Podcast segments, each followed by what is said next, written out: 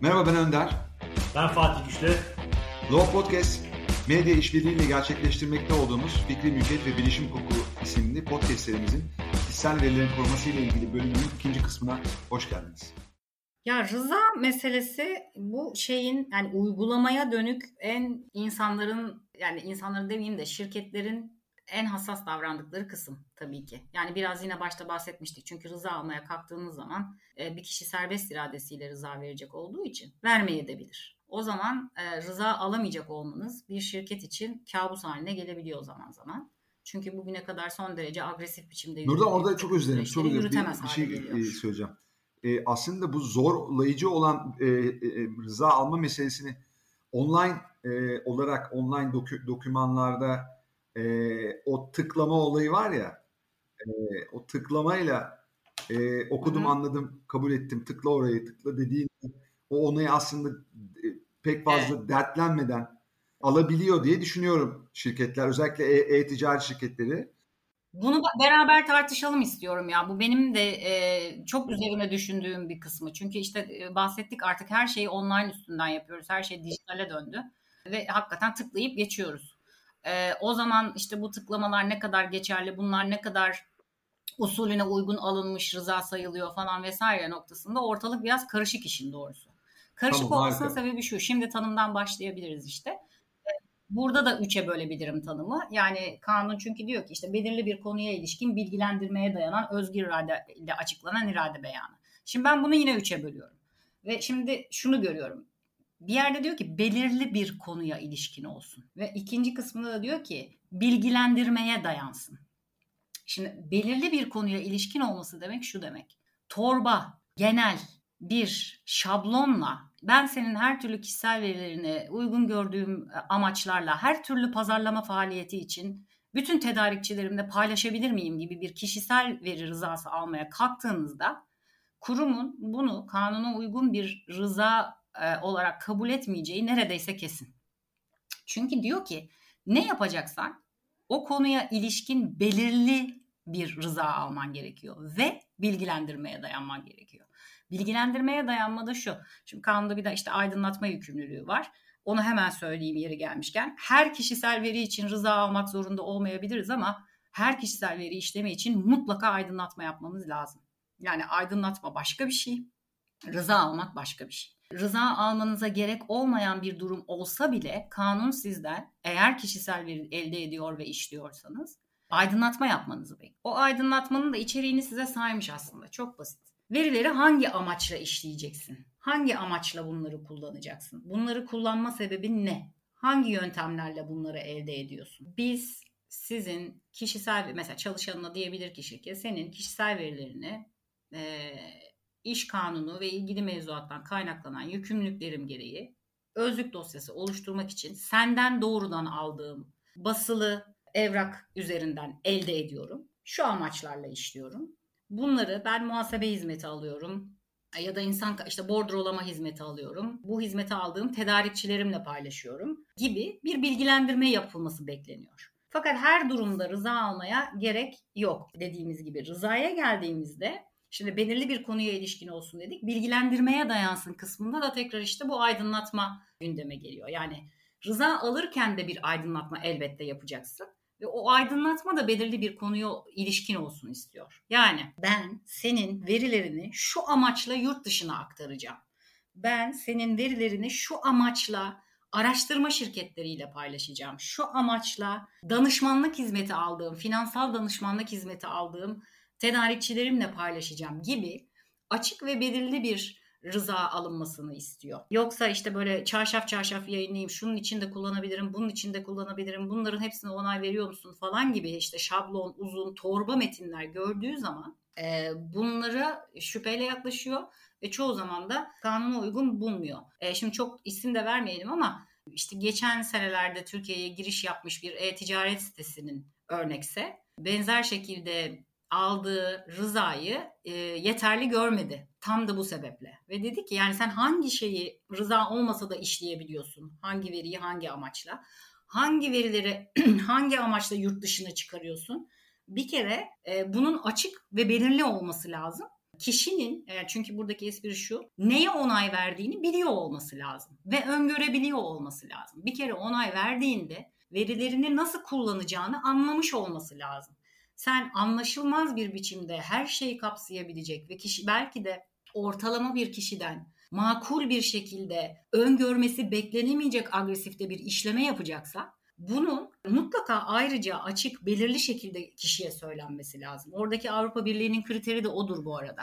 Ortalama bir kişinin kişiden makul biçimde öngörmesinin beklenebileceği haller der mesela. Eğer bunun dışında bir şey yapıyorsan sen, bunun dışında bir işleme, yani işte ne bileyim ben pazarlama şirketleriyle, dijital pazarlama şirketleriyle ben bunu işte paylaşıyorum da senin tercihlerini işte analiz ediyorum da bu analizlere göre işte sana reklam çıkarıyorum da falan gibi ortalama bir kişinin makul olarak öngöremeyeceği bir şey yapacaksa bunu daha açık, daha spesifik belirtmesini istiyor. İşte mesela o bahsettiğim Türkiye'ye giriş yapmış e-ticaret e, şirketine de dedi ki metinlerini düzelt. Ve yani kişi anlasın neye onay verdiğini, bir şeye onay verecek yani. Orada benim özellikle kafamın karıştığı demeyeyim de üzerine çokça düşündüğüm kısım şu. Bizim kurumun bu metinleri değerlendirirken hep üstünde durduğu bir şey var. O da şu. Hizmetin zorunlu koşulu haline getiremezsin sen açık rıza alma. Yani sen benden hizmet alacaksan pazarlamaya mutlaka onay vermek zorundasın gibi bir dayatma yapamazsın. Bu kısmen doğru bir yaklaşım. Çünkü şimdi üçüncü kısmına geçelim şeyin tanımın özgür iradeyle açıklanan diyor ya tanımda. Özgür iradeyle açıklanan bir beyan olması lazım rızanın. Diyor ki yani dayatıyorsan adamın senden hizmet alırken başka bir çaresi kalmıyor ise eğer e, rıza vermeye e, rıza vermekten başka. O zaman ben onu özgür iradeyle açıklanmış bir şey saymıyorum diyor. İşte Önder Bey sizin de demin söylediğiniz basıyoruz geçiyoruz çünkü o aplikasyonu kullanmak istiyoruz dediğiniz kısımda bu sefer o basıp geçtiğiniz metni didik didik ediyor aslında otoriteler.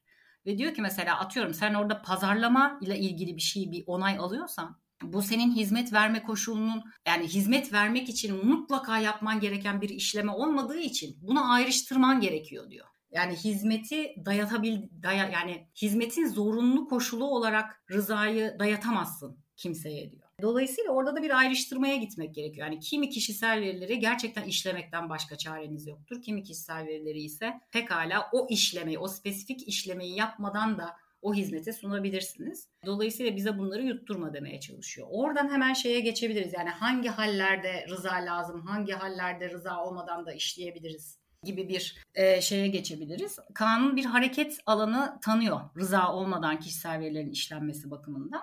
Ve diyor ki yani bir kişisel veriyi işleme kanunda açıkça öngörülmüşse yani kanun bilakis sana bu kişisel veriyi alacaksın ve saklayacaksın diyorsa o zaman dönüp artık sizin kişiye bir daha işte bu kişisel verini alabilir miyim, saklayabilir miyim, işleyebilir miyim, kullanabilir miyim demenize gerek yok. Yani çok da mantıklı. İşte hemen akla yine şey geliyor, iş hukuku geliyor. İşte personelin özlük dosyasını tutmak zorundayım. Kişiye artık tekrar kişiden bir onay almama gerek yok. Çünkü kanun söylüyor bana bunu yapmamı. Ya da yine işte elektronik haberleşme şirketlerine diyorlar ki, diyor ki mevzuat, trafik bilgilerini işte en az iki yıl saklayacaksın. Yani öyle olunca benim dönüp trafik bilgilerinizi saklayabilir miyim dememe gerek yok. Öyle Muhasebe bir onay almama gerek yok abonelerimden. Burada elbette elbette tabii ki. Burada şöyle bir şey var gerek yok ve zaten alırsam da şimdi mesela o sizin bahsettiğiniz metinlerde problematik olan şeylerden bir tanesi de bu. Yani adam diyor ki orada mesela işte ben kanunlarda açıkça öngörüldüğü için işte şunları şunları şunları yapabilirim rıza veriyor musun diyor. Kutu işaret, işaretletiyor mesela. Şimdi bu yanıltıcı bir şey. Çünkü öyle bir izlenim yaratıyorsunuz ki kişide. Sanki izin vermezse bunları işlemeyecekmişsiniz gibi. Halbuki öyle değil durum. Yani kişinin e, izni olmasa da bunları yasa gereği işlemeniz e, gerektiği için kişide şey izlenimi yaratmamanız lazım, yanıltmamanız lazım. Ha izin vermedi, izin vermedim demek ki işlemeyecek gibi bir yanılgıya yol açmamanız lazım. Bir, bunlardan bir tanesi mesela işte bu hallerden bir tanesi bu. Bir tanesi sözleşmenin kurulması için, ifası için gerekli olması. Yani işte siz bir şey hizmeti alıyorsanız, bir kargo hizmeti alıyorsanız o kargo şirketinin size bu şeyi yapabilmesi için, hizmeti verebilmesi için o adres bilgisine örnekse ihtiyacı var. O iletişim bilgisine ihtiyacı var. Aksi takdirde bu hizmeti veremiyor. Dolayısıyla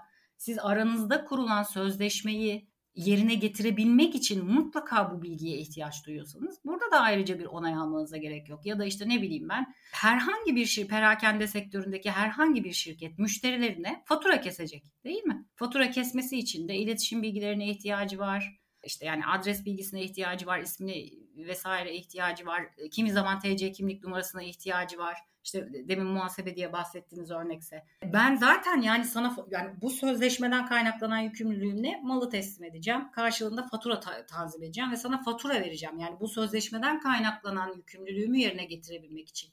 Bunu ifa edebilmek için benim bu kişisel veriye ihtiyacım var. Dolayısıyla dönüp de ayrıca kişiye ben senin kişisel verilerini işte bu amaçla saklayabilir miyim falan demenize gerek yok. Orada konu şöyle ayrışıyor. Yani siz fatura kesebilmek için alıyorsunuzdur o bilgileri. Fakat bu amacın dışında bambaşka bir amaçla ve hiç de aslında hizmet vermeniz için zorunlu olmayan başka bir amaçla kullanma niyetindesinizdir. İşte o zaman aslında rıza olmadan da alıp saklayabileceğiniz o kişisel veriyi başka bir amaç için kullanırken rıza almanız gerekebilir. Anlatabildim mi? Aa ben bu veriyi zaten kanunda öngörüldüğü için alıyordum. Ben bu veriyi zaten sözleşme gereği almıştım. Dolayısıyla da istediğim gibi kullanabilirim gibi bir şey yok. E, bunu biz dördüncü maddede görüyoruz. Temel ilkeler diye bir şey var ya, genel ilkeler diye bir şey var kanunun. e, işte dördüncü maddesi var. Dörttü herhalde yanlış hatırlamıyorsam. Onlar tabii oraya süs olsun diye konulmuş şeyler değil. O temel yaklaşımı gösteriyor o genel ilkeler. Yani diyor ki bir kere bir kişisel veri alacaksan amacın belirli olsun. Yani aa çok güzel bilgi buldum ben bunları alayım yarın öbür gün kullanırım gibi daha ne amaçla aldığını bile bilmediğim bir kişisel veri elde etme, toplama bu genel ilkeye aykırı. Yani amacın belirli olacak önce. Niye aldığını biliyor olacaksın. Bir, ikincisi hangi amaçla alıyorsan o amaçla bağlantılı, o amaçla sınırlı, o amaçla ölçülü olacak şekilde bu kişisel veriyi kullanman gerekir. Mesela e, rıza olmadan işleme şartlarından bir tanesi de e, bu verinin kişinin kendisi tarafından alenileştirilmiş olması. Diyelim ki siz internet sitesine telefon numaranızı verdiniz ve dediniz ki arabamı satıyorum beni arayın. Şimdi ilkeyi hatırlayalım. Amaçla belirli, bağlantılı ve sınırlı işte ve ölçülü olacak şekilde kullan diyor ya bize kanun. Şimdi ben oradaki telefon numarasını aldım tamam mı? Bütün şirketlere sattım. Al ben sana bir tane şey buldum diye. Ee, bir iletişim buldum. Bak bu adam otomobil alım satımı ile ilgileniyormuş. Bu, bu kişiye işte sen ne bileyim ben pazarlama SMS'i göndermek isteyebilirsin işte bir şey teklif etmek isteyebilirsin, bir kampanya duyurmak isteyebilirsin. Al bunu kullan dediğiniz an aslında ortada amacı aşan bir işleme var. Yani şimdi kanun ne diyor bize? Kişi kendisi alenileştirmişse bu veriyi rıza olmadan işleyebilirsin diyor. Ama genel ilkeler orada hala duruyor. Yani benim Aa, ama bu adam kendisi zaten şey yapmıştı. Ee, işte internet sitesinde telefon numarasını yayınlamıştı. Alenileştirmişti. O yüzden de istediğim gibi kullanırım gibi bakmak çok mümkün değil. O yüzden e, işte kanunun çizdiği bir çerçeve var. İşte kanun öngörmüşse sözleşmenin kurulması için gerekliyse benim bir hukuki yükümlülüğümü yerine getirebilmek için bu veriyi almaktan, bu veriyi kullanmaktan başka bir şansım yok ise işte kişi kendisi alenileştirmişse, bir hakkı tesis etmek için, bir hakkı kullanmak için, bir hakkı korumak için o bilgiye ihtiyacım varsa, işte ne bileyim ben dava açacağım TC kimlik numarasına ihtiyacım var. Anlatabiliyor muyum? Dönüp de o kişiye pardon onay verir misiniz? Ben mahkemeye TC kimlik numaranızı bildireceğim diyemezsiniz. Hakkınızı korumak istiyorsunuz çünkü. Ama dediğim gibi yani siz bu amaçla hak işte ne bileyim dava açmak için TC kimlik numarası aldınızsa şayet o amaçla bağlantılı ve sınırlı olarak kullanmak durumundasınız. Ne zaman ki bu TC kimlik numarasını bu kanunun size izin verdiği haller dışında bir takım sebeplerle de saklamaya başlıyorsanız şayet o zaman artık o yaptığınız şey rıza gerektirebilir. Sizin o TC kimlik numarasını ilk elde etme ve ilk kayıt etme sebebiniz belki rıza gerektirmeyen bir sebep idi. Fakat siz onu daha uzun tutuyorsanız kayıtlarınızda yarın öbür gün lazım olur falan vesaire gibi o zaman artık o kadar uzun saklamak rıza gerektiren bir şey haline geliyor. Bununla ilgili bir şey de var, örnek de var. Bir tahsilat şirketiydi yanlış hatırlamıyorsam. İşte kişiyi çok aramış taramış işte borcu tahsil edebilmek için şirket adına. Çok zor ulaşılabilen bir şeymiş. Bilgilere çok zor ulaşmış o tahsilat şirketi. Borcu da tahsil etmiş. Ondan sonra fakat adamın bilgisi hala duruyor.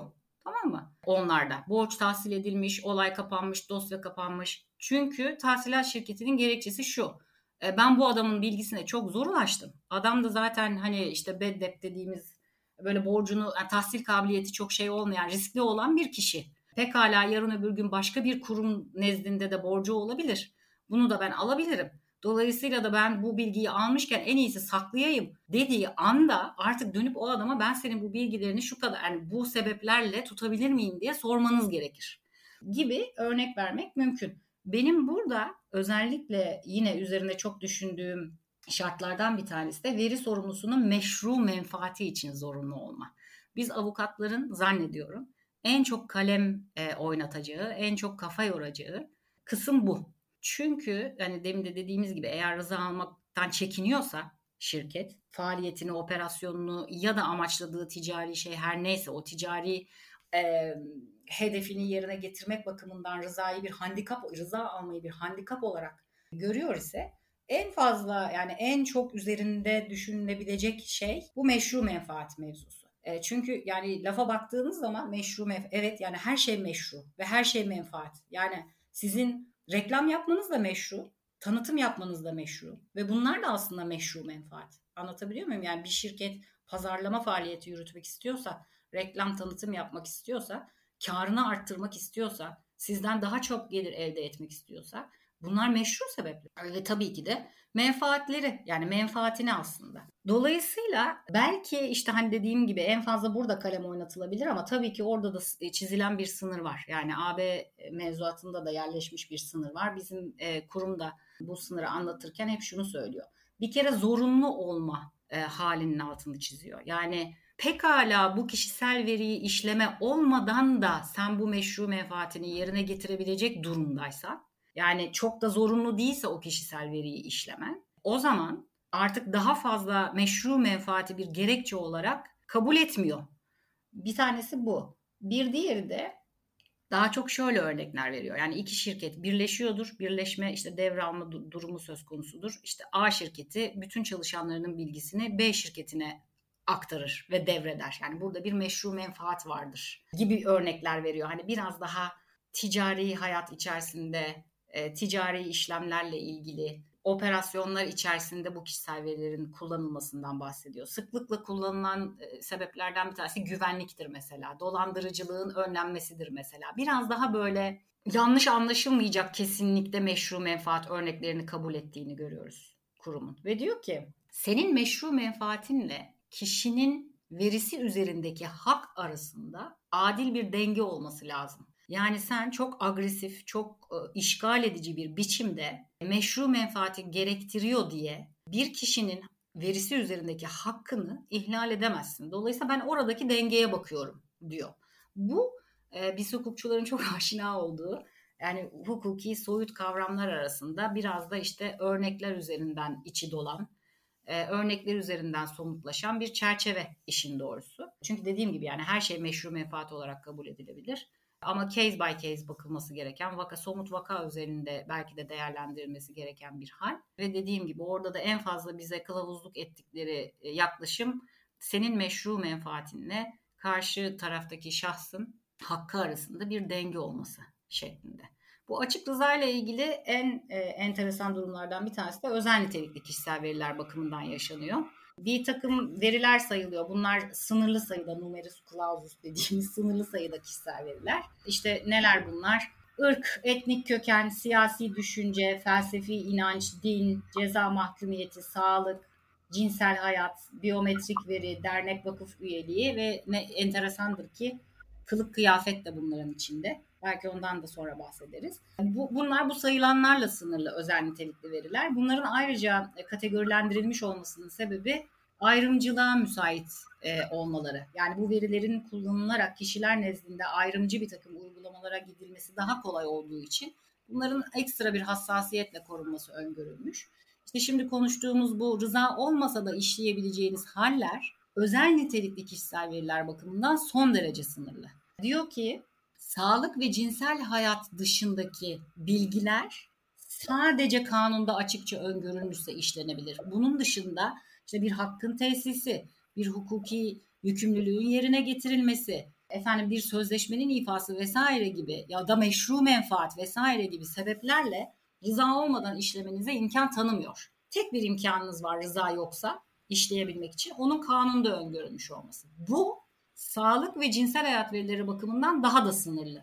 Onlar ise sadece işte hekimler vesaire gibi sır saklama yükümlülüğü altında bulunan kişiler tarafından ve sadece kamu sağlığının korunması, koruyucu hekimlik, işte teşhis tedavi hizmetlerinin verilmesiyle sınırlı olarak işlenebilir. Başka bir sebeple rıza olmadan işlemek mümkün değil e, özel nitelikli kişisel Dolayısıyla orada bize çok daha dar bir hareket alanı tanıyor.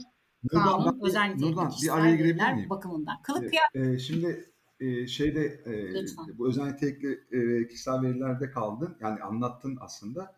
Oradan ben bir tespitte bulunmak istiyorum. Şimdi bu işleme şartlarını söylediğinde üç tane ana şart var. E, işte bilgilendirmeye dayansın, belirli bir konuyla ilgili olsun ve özgür irade meselesi.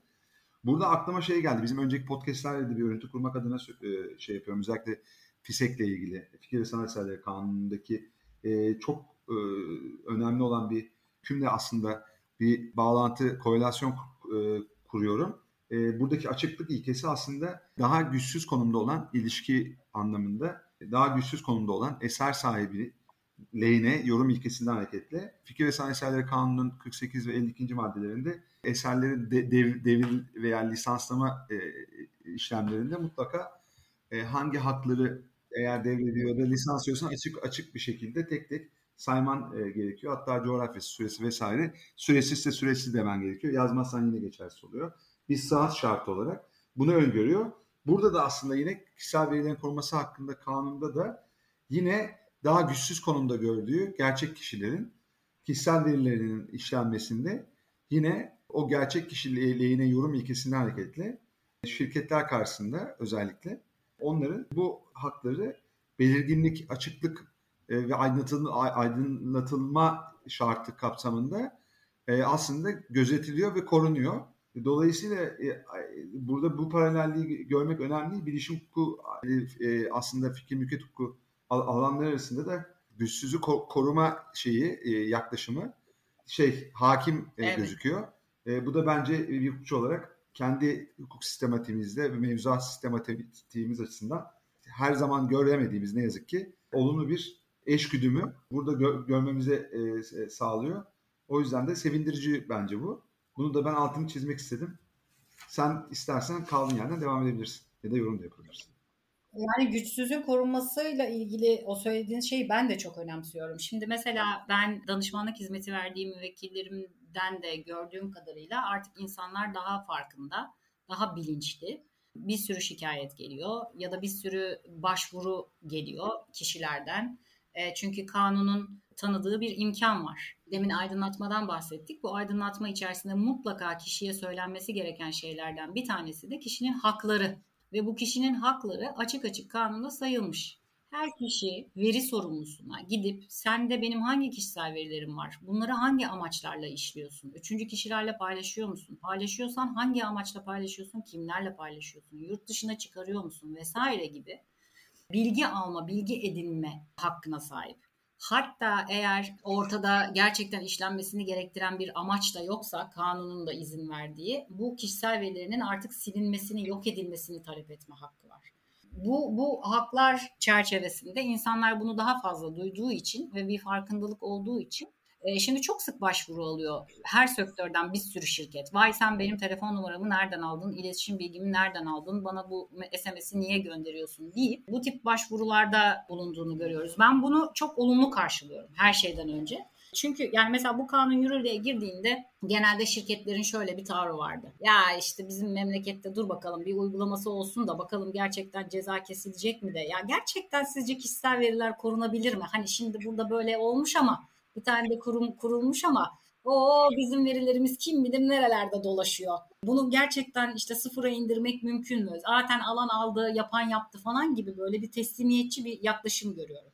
Kısmen de doğru bu. Yani hepimizin endişe ettiği şeyler. Yani artık sağda solda kimde hangi ne verimiz var ortalık birbirine girmiş durumda. Arap saçı yani takip edebilmek çok mümkün değil. Ama bu bir ekosistem yaratır. Yani kişilerin bunu artık yavaş yavaş sorgulamaya başlaması, diğer sizden Kasa önüne gidiyorsunuz. Telefonunuzu alayım mı? İşte şunu verir misiniz? Şu formu doldurur musunuz? Mesleğinizi bildirir misiniz? Falan gibi işte böyle bir sürü otelde şurada burada. Bunu niye istiyorsun diye sorma farkındalığı bile toplumda çok ciddi bilinç yaratır. Ve o bilinç de öyle ya da böyle bir noktadan sonra şirketlerde bununla ilgili biraz daha özenli davranma, biraz daha titiz davranma, biraz daha konuya e, dikkatli eğilme tepkisi yaratır. Ve bu olumlu bir şeydir. Dolayısıyla ben bunu çok önemsiyorum işin doğrusu. E, hatta hatta şöyle söyleyeyim size kaç sene önceydi hatırlamıyorum da 3-5 sene evvel bir tane bir haber çıktı. Hatırlar mısınız işte bilmem ne kadar milyon Türk vatandaşının nüfus bilgileri çalınmış diye. Öyle bir haberler dolaşmıştı işte. Nüfus bilgilerimiz çalınmış, satılmış falan vesaire gibi. O zamanlar dur bakayım doğru hatırlayayım. Başbakan Davutoğlu'ydu galiba. Ulaştırma Bakanı da Binali Yıldırım'dı. Ve NTV aramıştı beni. Bu konuyla ilgili görüşünüzü alabilir miyiz diye. Benden önce Davutoğlu'nun ve Binali Yıldırım'ın demeçlerini verdiler. İkisinde de şöyle bir şey vardı. İşte halkımız müsteri olsun, doğru değildir, hiçbir şey yok, her şey yolunda falan vesaire gibi.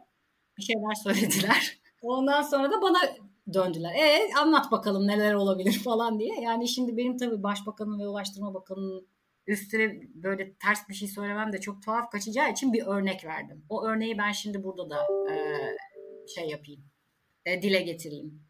Devlet Denetleme Kurumu'nun kamu kurumlarında bilgi güvenliği ile ilgili yayınladığı bir rapor var. 2011-2012 olabilir. Belki 2013'tür de emin değilim. Emin olamadım. Tam da o civarlar. Valla herkesin açık bir okumasını isterim. Yani o kadar vahim ki tablo.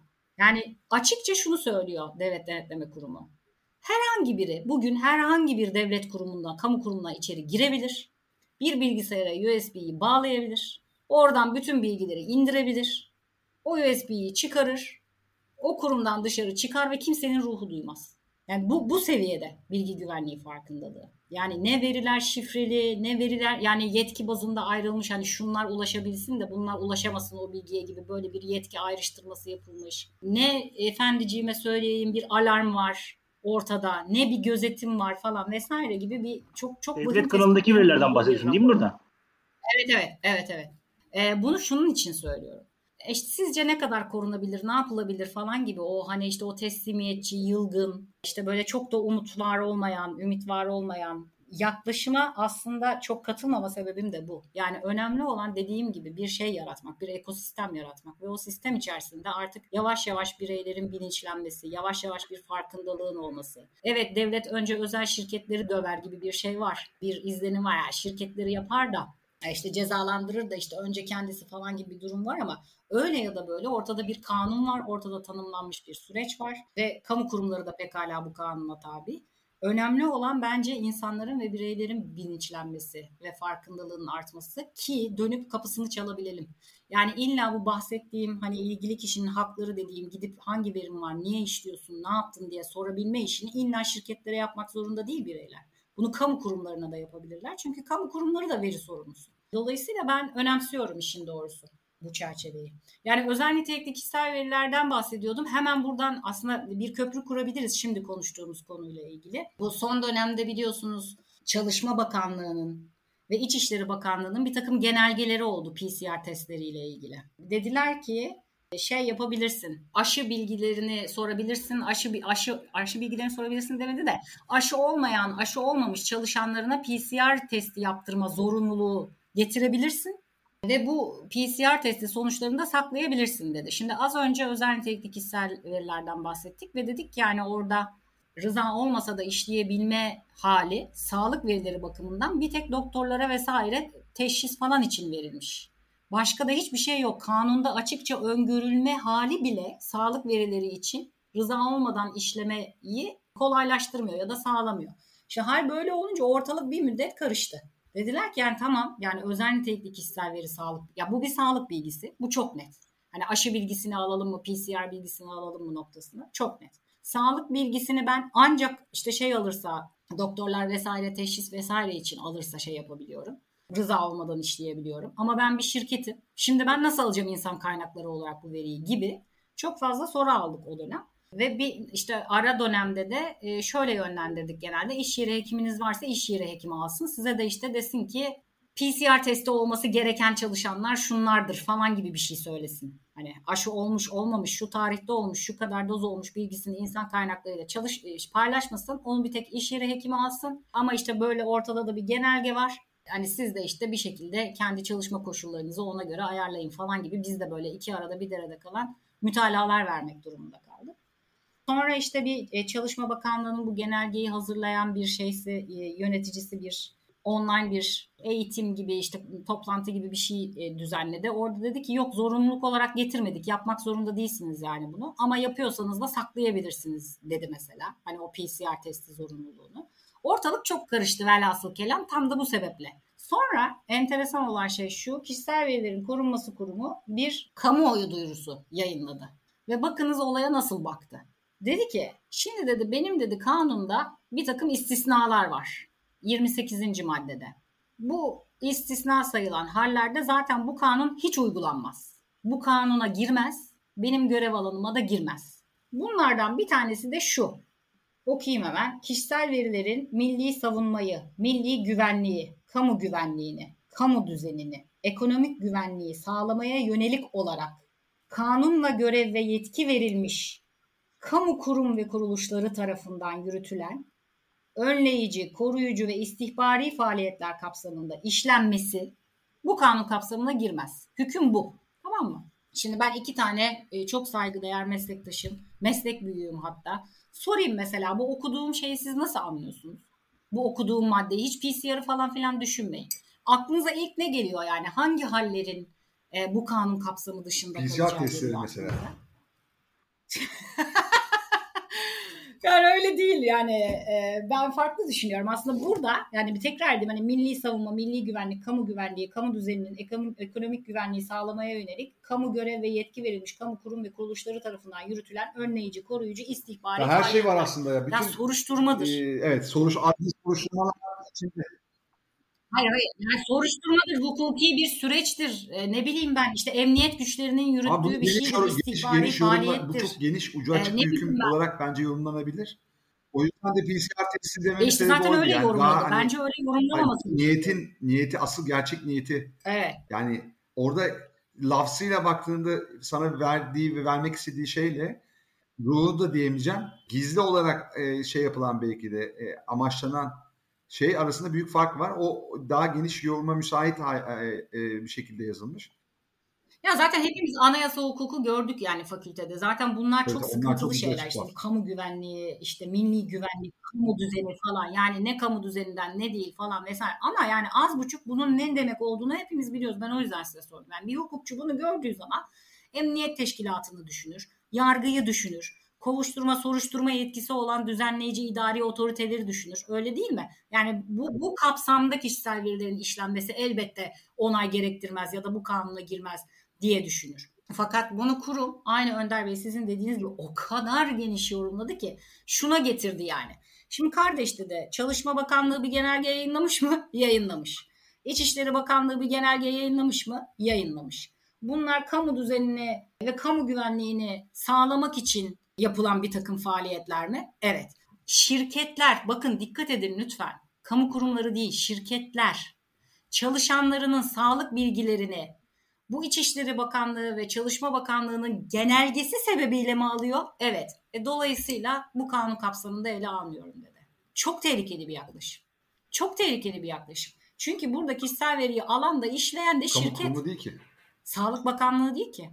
Çalışma Bakanlığı değil ki. İçişleri Bakanlığı değil ki. İçişleri Bakanlığı işte böyle bir şey yapabilirsin demiş. Ve üstelik örnek verdim yani Çalışma Bakanlığı demiş ki zorunlu değil. Yapmak zorunda değilsin. Yani kimseye zorunlu PCR testi yap. Yani PCR testini zorunlu tutmadığı için ceza kesecek değilim. Sana bağlı demiş üstelik Çalışma Bakanlığı kendisi. Şimdi sen tutup da bir şirketin özel nitelikli kişisel veriyi almasını ben bu kanun kapsamında değerlendirmiyorum dersen çok tehlikeli bir yoruma da artık meydan bırakmış olursun. Bugün bu PCR testi olur, yarın öbür gün bambaşka bir şey olur. Anlatabiliyor muyum? Yani yarın öbür gün ben de bulurum bakanlığın bir tane genelgesini. Ha ben kamu güvenliğini sağlamak için genelgede de böyle diyormuş. O yüzden yaptım derim. Ne olacak şimdi yani? Kanun şey mi yani kanun dışına mı çıkmış olacağım? Yani bir hukukçu olarak bunu çok şey buluyorum. Problematik buluyorum işin doğrusu. Vallahi ben çok mutlu oldum. Yani Nurdan'ın vermiş olduğu bilgiler sayesinde ben de bilgilendim. Yani senin de demiş olduğun gibi e, bizim çok iştigal sahamıza girmeyen bir alan. Ama Nurdan da e, bu alanda ne kadar kendini geliştirmiş, e, bilgi sahibi olmuş, e, emek harcamış. E, bu konuda da hakikaten e, onun adına sevindim. E, kendisini kutluyorum Cani Gölü'nden ve tekrar programımıza katıldığı için teşekkür ederim. İnşallah devamında ikinci e, programımızda kendisiyle birlikte yine yapacağız. İnşallah benim için büyük mutluluk olur. Çok teşekkür ediyorum tekrar e, beni davet ettiğiniz için, bana bu imkanı verdiğiniz için. İnşallah çok uzatıp sündürmemişimdir diye umut ediyorum. Ama e, dediğim gibi ben çok memnunum gidişattan. Çünkü önce bir içeriği bence hakikaten ve çerçeveyi çizmekte fayda var. Ondan sonra bu oturmuş kavramlar üzerinden dediğiniz gibi pratiğe dönük, günlük hayata dönük şeylerin üzerinden geçerken biraz daha yere basan e, bir platforma kavuşmuş oluruz diye düşünüyorum. Ha, Ve yani kahve, benim için büyük mutluluk olur sizinle sık sık bir araya gelmek. Ben de çok teşekkür ediyorum. Ee, Nurdan bir kere e, en çok vakit ayıran sen oldun. Bu da, bu anlamda da bir rekora imza attın. Ve ve ve, ve bu çok bu iyi bir şey. Bu iyi bir şey tabii. Ee, Fatih'den güzel şey şeyler hani şey, söyle beni öv şey, demiştin. Ben de bu konuda seni överek e, kapatayım. ee, sen, e, en en uzun e, sabreden ve anlatmaktan keyif alan ve e, hatta daha da bıraksam anlatacağına emin oldum. Bir de son derece akıcı ve güzel anlatıyor istekle yani. evet hızlı e, bir şekilde anlatan katılımcılardan biriydin, konuklarımızdan biriydin ama e, bu en uzun olma rekoru sende. E, bunun da e, bizi ayrıca mutlu ettiğini bil. E, ne kadar isteyerek burada olduğun, ne kadar keyifle bizimle e, bu bilgileri paylaştığın Hatta mesleğinde ne kadar anlam bulduğu bunu yaparken. Anlam bulduğun ve doyum sağladığında yani uzmanlık evet, sağladığında bize de geçti, dinleyenlere de e, geçecekti. E, uzun olmasına uzun ama çok önemli bilgiler var. O bilgiler içerisinde sen özellikle tartışmalı bulduğun, seni rahatsız eden kırılımlar, kırılı, alt kırılımlarına da e, dikkat çektin. O yüzden de bence ilgi çekici. Başındaki o tarihçesi de bence çok önemli. Ve bu konunun çok bilinmediği bir gerçek. O yüzden dinleyenler bence e, verdiğimiz tarihlerden, e, anayasanın ilgili hükmünden vesaire hareket ederek GDP'den de yine Avrupa Birliği müktesebatı kapsamında o e, veri e, şey tüzükten de hareketle bir şekilde kendilerini kılavuz edebilirler bu bölümü ve de derinleşmek isterlerse de ikinci bölümü daha hevesi dinleyebilirler diye tahmin ediyorum, düşünüyorum. Hoşçakalın diyor, diyoruz o zaman hepinize. Hoşçakalın, kendinize iyi bakın. Sevgiyle kalın. Sevgiyle kalın. Kişisel verilerin korunması ile ilgili bölümümüzün ikinci kısmını burada sona erdiriyoruz. Üçüncü kısımda buluşmak üzere. Hoşçakalın. Hoşçakalın.